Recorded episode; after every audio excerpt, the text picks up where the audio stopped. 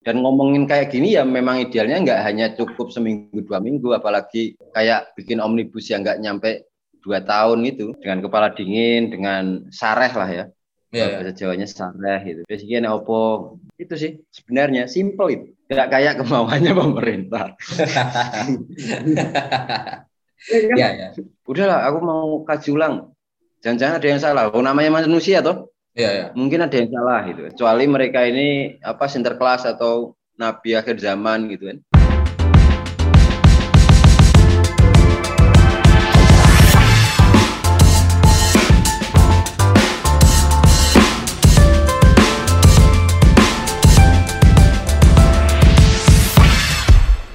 Oke teman-teman milenial kembali lagi di waktunya milenial podcast bareng aku Billy Gawa di sini. Ya kali ini aku menghadirkan tamu jauh dari ujung di ora ora ujung kok tengah-tengah Jawa lah.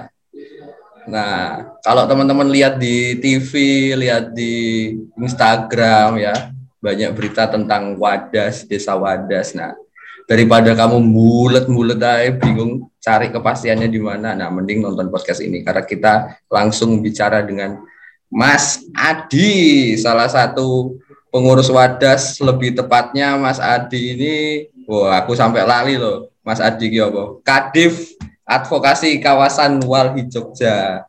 Halo Mas. Halo. Halo. Sehat sehat. Sehat Mas. Waduh. Iku burine apa iku Mas? Tulisan apa iku? Oh, Walhi Jogja. Tulisan Walhi nggak jelas iku ya. kita nggak akan langsung masuk ke pertanyaan tentang wadas mas. Aku ingin tanya tentang dirimu dulu mas. Oke siap. Apa sih? Kenapa dan apa sampai niku kok ada di Walhi Jogja? Oh kenapa sih lebih tepatnya? Kenapa sampai ada di Walhi Jogja? Ceritanya panjang ini panjang ya? Oh, oh kayak titralogi gini nek cerita kayak Wah, kayak pencarian Alkitab itu ya iya tapi pada intinya ki kok iso neng kene iki sebenarnya dulu pas zaman-zaman uh, geger-geger di Jogja urusan-urusan lingkungan itu kan paling paling apa paling kenceng itu kan pas pasca disahkannya undang-undang keistimewaan itu tahun 2012. Ah. Ya ya. Terus ada kasus-kasus kayak Parangkusumo, YIA, terus penggusuran di pantai pesisir Gunung Kidul macam-macam gitu kan. Nah dari situ aku sering hmm. ngobrol sering konsolidasi di Walhi nah, 2017 itu aku kemudian diajak untuk kemudian uh, apa jadi budir butiran debune Walhi gitu. Uh alah lah. Uh, apa ngewangi-wangi ngono-ngono. Nah. nah lanjut dengan saiki. Oh. Nah, pas masih YIA lah ya YIA Parangkusumo masih masih apa masih jalan juga konfliknya begitu ah. itu Iki ketoke golek iki pas bingung golek wong sapa cek ning lapangan ya wis adiwe lah sik gampangan ngono Aku mesti kepo, Mas. Ambek wong-wong sing tergerak hatinya untuk membantu sesama. Solidaritasnya kan tinggi kan. Biasane biasa nih lu ojo langsung munggah ngono to. Mesem mesem wadah oh, karena arek nom iku jarang mas yang ngene iki. Aku tahu wawancara karo pendamping buruh bisa niku ya arek nom kok gelem? Nah itu pertanyaanku selanjutnya. Kok gelem? Ono apa ndek walhi? Ono apa? Apa terjerumus iki ceritanya iki? Ayo kabeh bener kuwi kabeh bener ya enggak sih pasti iki lah apa uh, ya sing ya ternyata ora gur butuh doa ya. Apa hmm. ngobrol soal nasib soal apa besok kerennya penindasan ngono-ngono ora butuh doa tuh ora gur butuh doa. Doa penting tapi ora, ora gur butuh doa. Hmm. ya ora gur butuh like share komen nyalakan loncengnya gitu, itu enggak.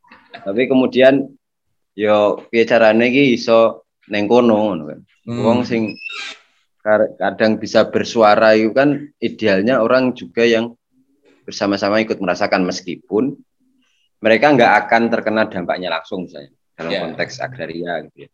Tapi ya ya iku sing kemudian nah sing menurutku mbiyen mbuh iku kesalahan apa kok dijerumuske ngono pikirku ya walhi sing bisa nampung. ya sesimpel iku lah. Nah, Jadi iso banyak belajar, iso banyak ketemu jaringan, iso banyak ketemu mm-mm. beberapa orang yang selama ini yo yo iki Ah, bisa menyalurkan apa keinginanku ngono yo ah, selama ini yo walhi. ah. Itu sih. Oke. Nek Ini- boleh duit yo genah ora atau Oh iya. Percaya nek kuwi aku, Mas. Lah nyapa golek duit ning wali ana duit apa? Ono ya rekoso. Tapi rekosone yo insya Allah kan berbuah gitu kan. Min. Amin. Nah, tapi di kasus bendungan ini, ini kan antara bendungan sama bendungan itu kan di daerah Guntur namanya. Hmm. ada di desa Guntur pusatnya ya. Eh, di itu satu kecamatan juga dengan Wadas, tapi itu jaraknya sekitar 10 kilo. Oh, iya. lumayan. Nah, parae kui eh, Wadas ini mau dijadikan tambangnya, Oh, tambang material andesit buat bangun si bendungan. oke oke. Jadi nek iki disebut PSN, yang se- disebut PSN itu ya pembangunane udu kemudian pertambangannya toh Oke. udune harusnya. Jadi eh nek ini dikatakan PSN nek kalau kita ini ngerunut soal perpres PSN kayak gitu, nggak ada itu tersebut terbersit ngono. Eh, PSN itu adalah menambang, nggak ada. PSN itu yang bangun sekolah, bangun eh, fasilitas, jalan, eh, bandara, bendungan, ngono-ngono itu nggak nggak ada kegiatan menambang sebenarnya. Ah, Nah, itu yang yang kemudian jadi persoalan. hmm. Di samping bendungannya pun juga kalau kami bilang juga bermasalah gitu. Eh, Apa itu Mas? misal- Kok itu masalah? ya misal soal bahwa bendungan ini sebenarnya untuk menyuplai kebanyakan ya kebanyakan itu untuk menyuplai air di bandara YIA yang sekarang ini terancam bangkrut. Oh, oke. nah itu satu. Kedua ya soal kalau kita mau ngomongin soal eh, teknologi bendungan kayak gitu itu sebenarnya udah banyak sekali ditinggalkan. Kalau alasannya pemerintah itu buat pertanian gitu misalnya itu akan lebih efektif kalau pakai bendungan skala-skala kecil bukan bendungan namanya kayak apa itu ya kayak dam tapi kecil gitu Ah, bukan kemudian bendungan dengan skala besar karena itu di samping kemudian ada ancaman perampasan juga ada ancaman kerusakan terus pembiayaan untuk merawat bendungan itu juga besar hmm.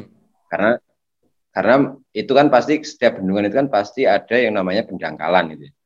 Oke. Pendangkalan itu kan harus dikeruk dan macam-macam prosesnya lama, maintenance-nya mahal gitu loh. Iya. Makanya sebenarnya ini sudah mulai banyak ditinggalkan di negara-negara lain. Hmm, hmm. Nah ini kok eh, Indonesia ini masih pakai bendungan.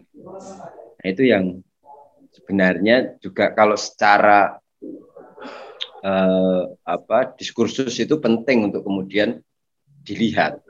Oke. Ngapain bikin proyek-proyek yang sebenarnya itu tidak menjawab persoalan. Hmm. Terus juga nanti wadas itu juga nggak akan nerima airnya. Karena airnya nggak buat wadas memang ya. nggak buat wadas. Itu buat Kebumen sama Purworejo sama YIA. Udah. Oh. Lah, Kebumen kenapa kita juga nggak tahu Hmm. mau Mas. kenapa kok bendungannya di situ akhirnya, Mas? Nah, kalau kita runut dari eh, beberapa warga yang ada di Tapa ya, karena aku sempat juga ke sana sekitar ya lama lah setahun eh, intens di sana itu. Eh, udah lama sebenarnya rencana itu, bahkan sejak zaman Soeharto Oh. itu udah ada rencana-rencana itu. Terus zaman SBY mau dilanjut, tapi kemudian itu nggak nggak nyampe gitu. Hanya survei-survei kayak gitu-gitu kan. Nah, nah ini akan ternyata dilanjutkan di eranya Jokowi. Nah, pertimbangannya ya buat buat per, per perairan di sekitar eh, Purworejo sekitar 15 ribu hektar atau berapa itu. Tapi Wow. ketika ngelihat apa eh, dokumen-dokumennya ternyata lebih banyak itu malah di eh, untuk bandara 700 liter per detik terus yang buat eh, Purworejo itu 400 liter per detik buat Kebumen itu 300 liter per detik Hmm. jadi kebanyakan itu malah buat bandara. Benar-benar serius mau ngalirin yang di Purworejo sama Kebumen itu ya ya bikin yang yang terjangkau kayak gitu. Nggak usah bikin bendungan itu nggak masalah sebenarnya. Ya. Segede itu itu Sebesar tertinggi se Asia Tenggara kedua. Nah, ya ya. Benar benar benar. Kompleks ya berarti ya. Kompleks banget.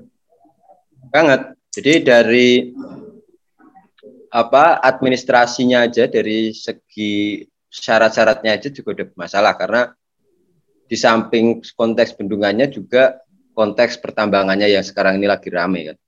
Aha. Nah, sebetulnya apa aja sih Mas kekayaan Wadas itu? Kok sampai memang mau digunakan sebagai tambang dan akhirnya ditolak oleh warga? Kalau tambangnya ya pasti ada indesit ya karena dia udah udah apa? Udah kajian kan mereka ini. Oh ya. Ada sekitar 40 juta meter kubik, 30 sampai 40 juta meter. Tapi sebenarnya mereka ini makainya itu cuma 8 juta. 8 Hmm. juta sampai 15 juta meter kubik mak- pemakaian untuk bendungan itu kan. Nah, itu ada spare sekitar setengah lebih berarti dari eh, andesit yang ada di sana sebenarnya. Tapi ya sisanya buat apa sekarang pertanyaannya? Turno ya warganya ya nolak gitu loh. Nggak mau Hmm. ditambang karena sejarahnya itu dulu ya kalau aku eh, dengar-dengar dari teman-teman Wadas itu, sepuh-sepuhnya Wadas misalnya, Hmm. itu zaman Belanda itu pernah sampai sekitar dua kali mau ditambang. Wow. Tapi warga itu nolak, Oke. warga sana nolak. Dan itu informasi itu eh, turun temurun, jadi diturunkan ke setiap generasi gitu kan. Nah, kalau ada anak-anak beranjak dewasa gitu pasti dikasih Ah. tahu. Kemudian ki neng wadas ki arep ditambang zaman londo ping pindho. Tapi nenek moyang dhewe iki pesen nek iki aja untuk ditambang. Oh, Nah, Oke. Dari situ kemudian eh, muncul kemudian apa kayak memori kolektif gitu ya Ah, ah, ah. untuk kemudian menjaga lingkungan di sana. Nah, itu sebenarnya ses- sama seperti ya apa yang ada hari ini, realitas hari ini bahwa bahkan sebelum LBH, Walhi, Solidaritas, Front, SP, macam-macam mahasiswa masuk itu, mereka ini udah nolak. Oke. Jadi pas sosialisasi eh, proyek itu terus pas konsultasi publik itu nggak ada kita kita ini belum kenal namanya Wadas. Orang kita masih rame-rame di YIA kan. Ah, ah, ah. Ya ya ya benar-benar. Nah itu nggak nggak nggak nggak ada nggak nggak nggak kenal kita bahkan nggak nggak tahu kasus Wadas itu apa. Mereka ini udah nolak, udah aksi udah Hmm. nolak. Itu. Nah kemudian kalau tadi soal kekayaan eh, alamnya di sana itu kan eh, ini ya perkebunan ya. Jadi ada apa? Ada vanili, ada eh, kopi, ada aren, ada duren, ada eh, kemukus, Hmm. ada jahe, ada kencur, ada banyak itu. Kelapa, pisang, itu macam-macam gitu. Iya, iya. Dan kalau kita mau ngomongin soal sistem perekonomiannya, mereka ini udah udah bisa atau bukan udah bisa, tapi secara turun temurun memang udah ngitung eh, yang buat harian itu apa, misalnya aren sama karet, gitu. buat di deres gitu. Yang bulanan itu dia dapat bisa dari kelapa, bisa dari pisang kayak gitu. Iya. Yang yang tahunan yang agak panjang itu bisa da- dari jahe, dari kencur, kayak gitu gitu, kapulaga, pemukus. Vanili, Ya. macam-macam gitu. Duren kayak gitu. Mimpinya itu paling Pak, gue nek bicara soal apa hidup sejahtera itu apa? Ya yang bi- yang penting bisa menyekolahkan anak sama nek kalau bonusnya ya bisa naik haji. Ikut tok. Oh. Nggak ada bayangan itu naik mobil apa naik mobil. Punya mobil, punya apa real estate kayak gitu Hmm. nggak ada. Mhm. Itu simple sesimpel itu. Eh, mereka ini. Oke. Setauku ya. Iya ya. Berarti memang yang diperjuangkan adalah tanah yang dari dulu dijaga dari memori kolektif itu ya, nenek moyang itu ya. Iya. Karena ada Iya. perhitungan-perhitungan tadi itu juga ya. Iya. Perhitungan-perhitungan yang itu kalau mau di misalnya diganti rugi atau bahasa kerennya diganti untung gitu.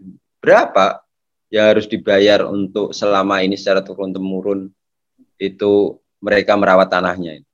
Oke. Berapa biaya yang udah mereka keluarkan, keringat yang udah dia mereka cucurkan kayak gitu kan. Itu nggak bakal bisa diganti rugi.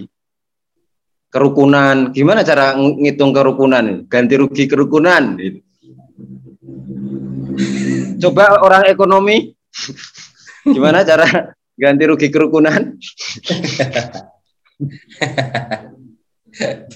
Iya ya. Double, ngitungnya double. Kalkulatornya ra cukup, Cok. Cek pirang digit paling dhuwur ngene ra cukup ya ngomong itu. Ah, Iya iya iya iya. Simple, air. Air mereka ini nggak pernah beli. Oke. Karena ah, kita hitung ada sekitar 27 sampai 30-an ma- eh, titik mata air. wih gendeng. Nek tak hitung se, se walhi ku enek 17. Aku ngitung itu sama beberapa warga pemuda gitu kan. Ngendi mata airnya. Seminggu aku gorentok 17. Seminggu nitiin gitu-gitu tuh aku dapat 27 mata air. Ini saya oke ora? Ini saya oke saja nih mas. Tapi aku wis kesel cuy. 17 wae lah. Aduh, dan itu tersedia gratis, Pak. Gratis, Bung. Lah iku nek arek dihitung piye ngitungnya ya? Iya ya. Masa ya ora dhewe ora ora ngombe apa cawe cebok nganggo pasir kan ya ora mungkin. Nganggo semen. Ya. Ini nganggo banyu tetepan. Nah, ya. Masuk Itu. akal. Benar, benar. Nah, kenapa pemerintah sekarang itu kalau kita ngomong pemerintah ya, ngotot untuk kalau di berita ngukur ya, ngukur atau tetap ngotot mendirikan pertambangan dan lain-lain. Hmm. Nah, itu kalau kita alasan simpelnya mereka ya. Kenapa kemudian eh, itu harus pertambangan untuk material itu harus diwadas? Itu biar ngirit Oke. karena lokasinya itu terdekat di situ. Tapi kan urusan urusan proyek pemerintah itu kan nggak boleh ngirit-ngirit sebenarnya. Emang gue duitnya sopo kan duitnya rakyat juga, gitu loh. Oke. Itu problemnya. Jadi eh, juga soal apa kalau mau ngomongin kajiannya ya itu tadi eh, bahwa itu dijadikan satu sama ambil. Jadi logikanya gini, sampean kalau duwe Pak Arab bangun pabrik semen neng Surabaya ngono, Hmm. Arab tapi Arab ngeruk batuane neng Tuban ngono. Hmm. Sampean ora perlu ngurus tambangnya sing neng Tuban. Ya gitulah kira-kira. Iya, iya, iya. Paham, paham. Ya. Nah itu kasusnya. Jadi itu nggak ada IUP, nggak ada izin usaha pertambangan itu nggak ada. Izin wilayah usaha pertambangan juga nggak ada. Kalau kita cek tata ruang kayak gitu misalnya, di tata ruang Purworejo itu Wadas itu nggak jadi nggak jadi tambang andesit, nggak ada itu wilayah pertambangan andesit itu, nggak ada. Terus dia yang berdasarkan opo gitu loh. Dan ini juga bingung sebenarnya, Bung. Tolong, Lalu bentuk perjuangan keluarganya gimana ini? Di sana ini. Kalau setauku ya mereka ini Wadas itu aku pikir orang yang orang-orang yang cepat responsif lah gitu, responsif dan sangat terbuka. Gitu. Eh, ya itu yang kemudian responsif, terbuka dan banyak belajar. gitu. Banyak nangkep eh, apa informasi gitu bisa nangkep. gitu. Ya ya langsung ketika mereka ini dulu itu 2000 berapa? Sekitar 16 17-an mereka menolak soal sosialisasi kayak gitu-gitu. Sosialisasi dan konsultasi publik itu ya mereka langsung bikin organisasi kayak gitu. Nah, itu Hmm. sebenarnya pentingnya organisasi sebenarnya. Mereka secara secara apa? Secara alamiah ya? kayak gitu. Nah, secara alamiah ya. Bikin terus eh, cari jaringan-jaringan yang kira-kira bisa eh, apa? Bisa mengakomodir eh, perjuangan mereka, bisa mensupport perjuangan mereka kayak. Ya itu yang yang kemudian dilakukan dan sangat terbuka mereka. Hmm. Nah, kemarin aja Ganjar ke sana aja mereka terima kok. Oke. Iya, iya, iya. Oke Pak Ganjar mau datang karena dulu pas kita demo ke Semarang nggak sampean nggak sempat nemoin ya. Sekarang jenengan ke sini ya tak diterima. Nah, dari semua itu sampai sekarang apa? Walhi memberi apa di sana? Memberi edukasi atau memberi uh, bantuan? Dolan tok dolan. Mosok yo dolan tok. Dolan aja.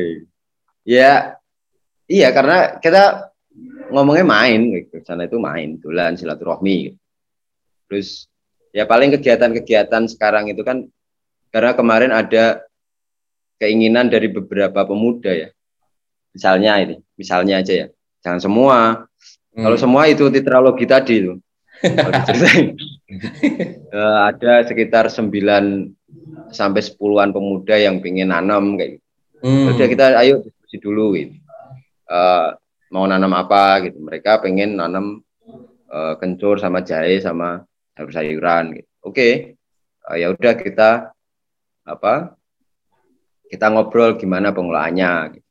Oke. Kalau aku sih, kalau aku sih ngusulinnya karena di sana itu juga banyak ternak gitu ya, sama apa sampah-sampah daun kayak gitu-gitu. Hmm. Ya pupuknya dari situ.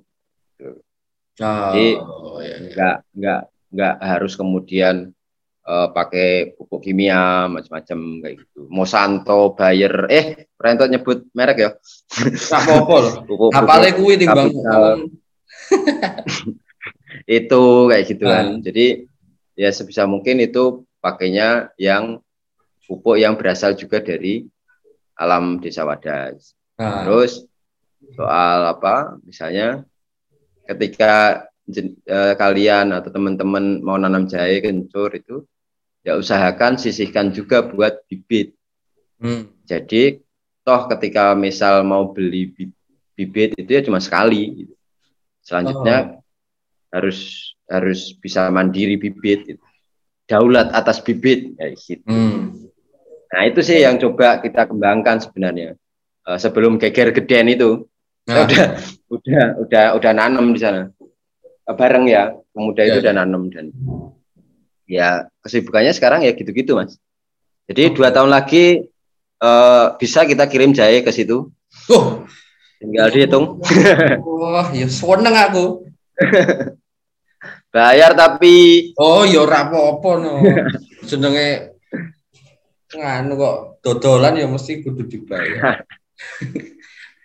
gitulah kira-kira. Nah, ya sandang pangan. Kemarin ada berapa ya dua setengah kuintalan lah kita tanam bibit. Tapi kalau lihat kita lihat di media ya, Pak ya. Eh, Ya kayak ada apa ya? Aparat penegak hukum itu yang represif banget itu bener apa enggak sih? itu sangat benar ini. Jadi sebenarnya itu kan nggak hanya sekali kemarin itu, tapi yang terparah emang kemarin ya, Hmm. yang kami anggap parah, terparah dari yang parah itu. Karena di tahun 2001 itu tanggal 23 April itu aku masih ingat banget. Itu kan juga ada kan, eh, apa usaha pengukuran gitu. Oh ya. Terus nah, ternyata itu kan juga ditolak dan macam-macam. Terus eh, di bulan-bulan September sampai Oktober itu tahun-tahun ini itu mereka masif untuk kemudian patroli Oke. dengan alasan yang nggak jelas itu loh. Sampai kita hitung ada 16 kali Oh, patroli terus ke Wadas kayak gitu. Nah, puncaknya itu ya kemarin ini. Yang sekitar ribuan eh, polisi plus preman itu eh, datang ke Wadas alasannya ngukur tapi kemudian eh, mereka menangkap, menghajar warga-warga yang lagi mujahadah di masjid gitu di rumah Hmm, mereka hmm, di hmm. ditanya KTP gitu. Jadi perasaanmu? Wong ndi wong ada sendiri KTP mujal. Piye gitu. Oke. Kayak gitu-gitu. Setelah ditunjukkan pun juga masih ditangkap, gitu, dipukul. Kayak. Berarti berapa hari? Tiga harian itu. Iya, iya. Terus dikepung gitu kan. Sampai kita ini susah untuk masuk. Ya. Oke, oke. La- Lantas apa ini harapan warga Wadas ya terkait konflik ini, Mas? Kalau Wadas kemarin udah ngobrol ya. Ketika Tuan Ganjar ke Wadas itu, ya mereka tetap ngomong usut tuntas kasus yang kemarin, terus eh, cabut IPL kayak gitu, Hmm. cabut izin izin penetapan lokasi pertambangannya. Iya, iya. Itu Itu cuma ya. dua tuntutan. Cuma dua itu ya. Iya. Oke, oke. Simpel kan nggak kayak pemerintah maunya banyak. Mau gunung, mau apa, laut, mau apa gitu. Pertanyaan terakhir, Mas. Ada nggak nih solusi Oh, yang iya. ditawarkan untuk mengatasi konflik dari Walhi? Kalau aku ya, ini kan proyek skala besar nasional, dan yang yang harus bertanggung jawab artinya kan juga negara, nggak hanya Oke. eh, gubernur kan. Artinya kalau aku tetap pada soal kaji ulang, Oke. dikaji ulang itu berhenti semua PSN-PSN bermasalah itu berhenti dulu gitu kan, dikaji ulang kayak gitu, terus eh, dengan kepala dingin kayak gitu kan, ini saja nih opo rek gitu kan. Jadi kok konflik neng di kayak gitu. Terus dilihat juga lagi duit dari mana PSN ini kayak gitu. Besok generasi-generasi milenial ini menanggung beban enggak atas itu gitu. Pokoknya dihitung semua. Misalnya kita ngomongin Bandara Kertajati yang sekarang dari bandara jadi wisata dan eh, apa mau terancam jadi bengkel pesawat itu misalnya. Ini Hmm. harus dikaji juga gitu loh. Karena ini juga PSN. Eh, YIA yang sekarang dari bandara apa bandara tapi kemudian merugi nggak mampu bayar pajak 35 m udah mencat kurang lebih 400 karyawannya kayak gitu. Tapi masih mau ngambil apa air dari bendungan kayak gitu loh. Kok iso kayak gitu. Nah ini harusnya kan jadi jadi apa perhatian gitu pemerintah pusat. Ini berhenti dulu deh. Kaji ulang. Eh, baiknya kayak gimana apa benar itu aja sih kalau aku. Hmm. harapannya. Ya, ya. kaji dulu. Gitu. Dari kajian kajiannya ya itu, nggak hanya ah, seminggu di kampung kayak gitu kan. Ah, iya. Kajian yang representatif ya yang yang kemudian adil kayak gitu. Yang terbuka kayak gitu ya semua pihak bisa kemudian eh, ngomong kritik kayak gitu tanpa represif kayak gitu kan. Udah itu di keluarin aja gitu. Nggak emang nggak bakalan selesai seminggu dua minggu gitu dan ngomongin kayak gini ya memang idealnya nggak hanya cukup seminggu dua minggu apalagi kayak bikin omnibus yang nggak nyampe dua tahun itu hmm, ya. kan kayak gitu. Dengan kepala dingin dengan sareh lah ya. Ya, ya. bahasa Jawanya sareh gitu. Basicnya opo? Itu sih sebenarnya simple itu. Tidak kayak kemauannya pemerintah. Ya, ya. Ya, bilang aja ini enak apa ya? Banyak banget konflik agraria hari ini. Udahlah aku mau kaji ulang.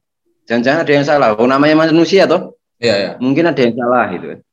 Kecuali mereka ini apa sinterklas atau nabi akhir zaman gitu kan. Ya itu sih. Maunya simpel aja sebenarnya. Kayak ini loh kayak apa kebakaran hutan kayak gitu-gitu misalnya Eh, ini dari mana izinnya ya? Ya moratorium gitu. Moratorium izin eh, kelapa sawit misalnya. Ini tambang kok neng ngendi neng Indonesia? Ya moratorium. Izin pertambangan dulu gitu. Kan kayak gitu. PSN iya kalau banyak masalahnya dikaji ulang dong Mhm. harusnya pemerintah itu nggak usah malu misalnya oh ini di stop dulu deh. Ini di stop yang ini karena banyak konflik stop aja oh yang ini nggak berguna ya udah hentikan kayak gitu Ya, oke. Simple sebetulnya ya. wah simpel banget nggak kayak pokoknya nggak kayak maunya pemerintah 200-an proyek strategis nasional itu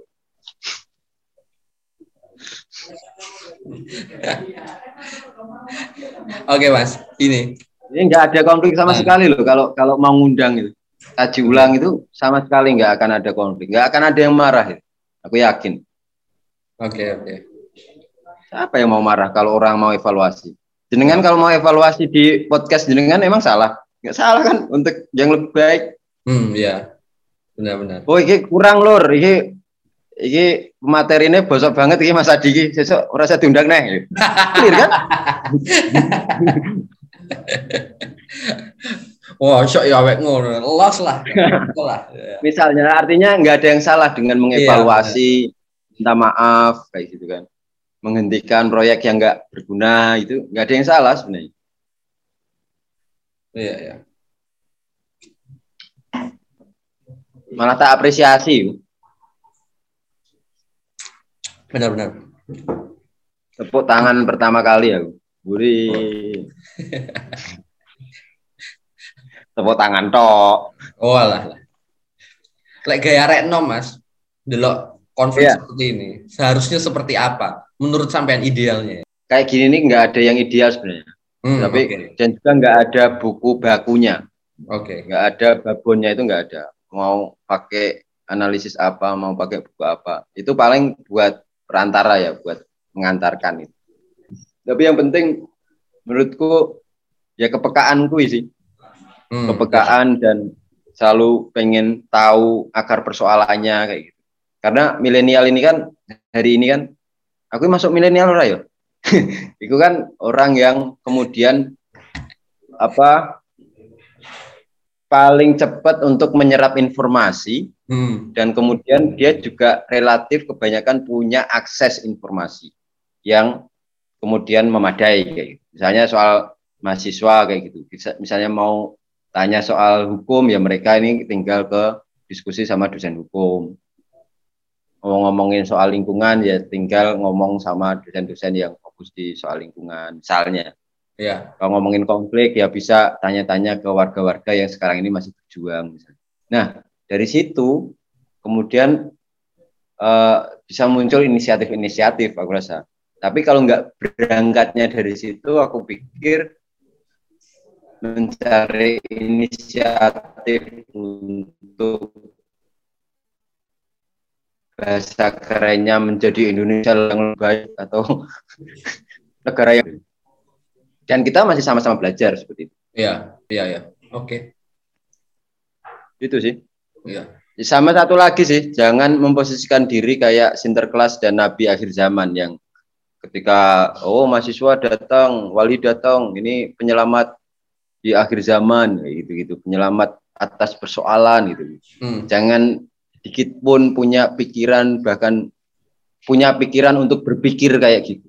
hmm. Itu itu kayaknya nggak nggak ada faedahnya gitu. Jadi dengar kayak gitu kan. Belajar kayak gitu. Itu sih. Oke. Oke, Mas. Aku suwun banget ya, Mas. Sudah mau diundang podcast meskipun waktunya tidak bisa berlama-lama sedikit, tapi seharusnya dari podcast ini teman-teman sudah tahu lah apa yang terjadi di sana dan apa yang seharusnya kita lakukan ya untuk sama-sama masyarakat Indonesia bisa solid menjaga tanahnya kita sendiri, menjaga buminya kita sendiri. Karena itu buat buat anak cucu kita di generasi berikutnya. Bener gak ya? Bener ya Mas ya? Yo, Oke, kita tutup aja. Terima Cek. kasih. So, sedikit ya. Oh. Cek Instagramnya Wadas Melawan, Wali Oke. Jogja, LBH Jogja, sama kepada tanah. kepada Jadi tanah. kalau mau dapat informasi yang lebih eh, lengkap Nah. ya. Oke, oke. Mau Oke. ngintip Hmm. eh, ngintip Instagramnya Buser juga nggak apa-apa, tinggal dibandingin aja. Mancet aja. Dikei pesan buri ini. Oke, Mas. Mas Adi, terima kasih ya. Semoga Oke. Anda sehat selalu dan dijaga selalu. Sama-sama Mas. Oke, Oke, kalau gitu kita Sehat, tutup, sehat. teman-teman. Terima kasih banyak sudah mendengarkan podcast Waktunya Milenial. Bye bye.